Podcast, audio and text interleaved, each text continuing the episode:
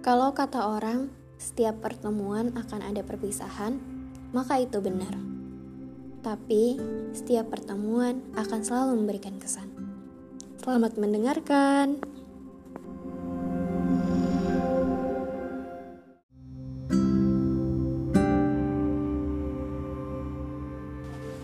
Buat kamu yang lagi sedih mendapat sebuah berita, halo, aku di sini. aku nggak mau nyuruh kamu sok kuat kok.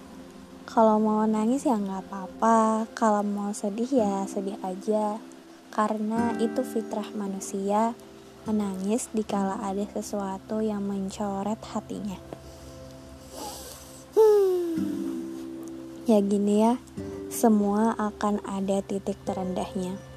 Semua gak akan selalu bahagia dan baik-baik saja. Kalau sudah sedih gini, kadang pasti kita mikir kalau obatnya itu adalah healing. With your bestie atau healing sendiri. Main sama teman agar masalah kita hilang walau cuma sesaat nggak apa-apa kok sebenarnya. Ketemu teman pasti akan bantu kamu sedikit melupakan. Tapi kalau kamu tahu nangis di hadapan Tuhan itu nggak ada salahnya dicoba. Karena Tuhan tidak pernah menyalahkan. Kita nggak akan pernah bisa bahagia selamanya. Dengan harta, cinta, enggak. Itu nggak akan selalu buat bahagia. Dalam sabdanya, Rasulullah berkata bahwa hati bahagia adalah bagian dari kenikmatan surga.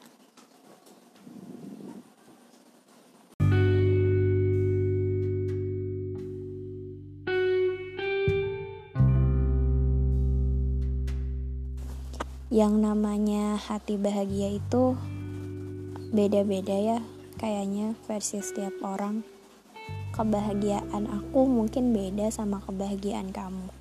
Ketika ngeliat orang di jalan terus senyum, mungkin bisa jadi orang itu langsung bahagia. Ketika disenyumin, tapi tingkat kebahagiaan kan beda-beda.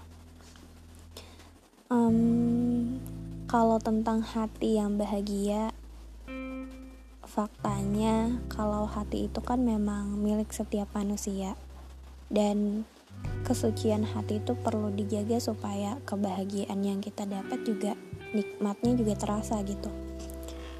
Tapi kalau emang hati kita tiba-tiba udah hitam pekat gitu ya misalkan hati terus dititiki sedikit tinta hitam seperti kertas aja itu udah mencoreng yang namanya hati yang suci gitu.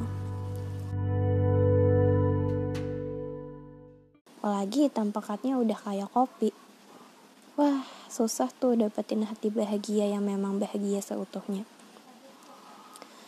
Um, kebahagiaan itu bagai apa ya?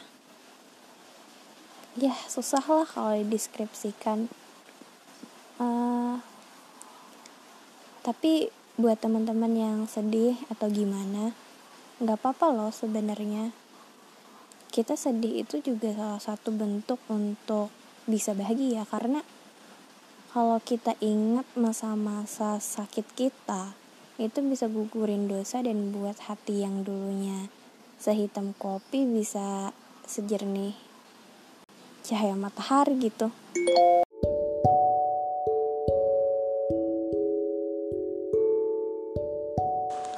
Jujur ketika kita bahas tentang kebahagiaan gini jadi ingat ketika itu loh kita ngerasain mental illness gimana kayak um, ya sedihnya sedih banget itu gak sih?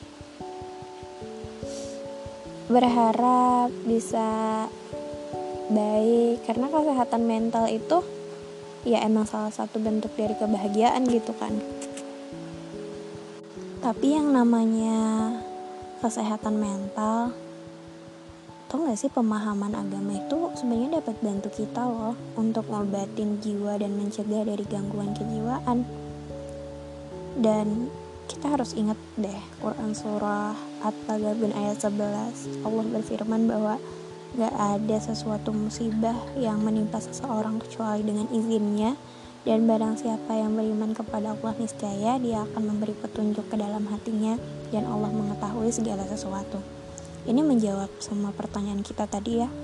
Kalau tentang hati bahagia gimana ya balik lagi. Yang menyucikan hati kan Allah, yang membuat hati kita hitam juga Allah. Jadi ketika kita ditimpa sedih, musibah, dan mau mencari kebahagiaan itu, kita harus yakin kalau musibah itu kan ketentuan dan takdirnya, jadi kita juga harus sabar dan berharap balasan pahala dan disertai rasa berserah diri atas apa yang sudah kita jalani.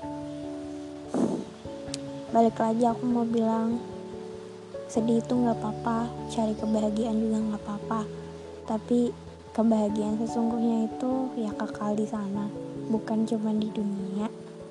Tapi kita harus gapai cita-cita dunia kita.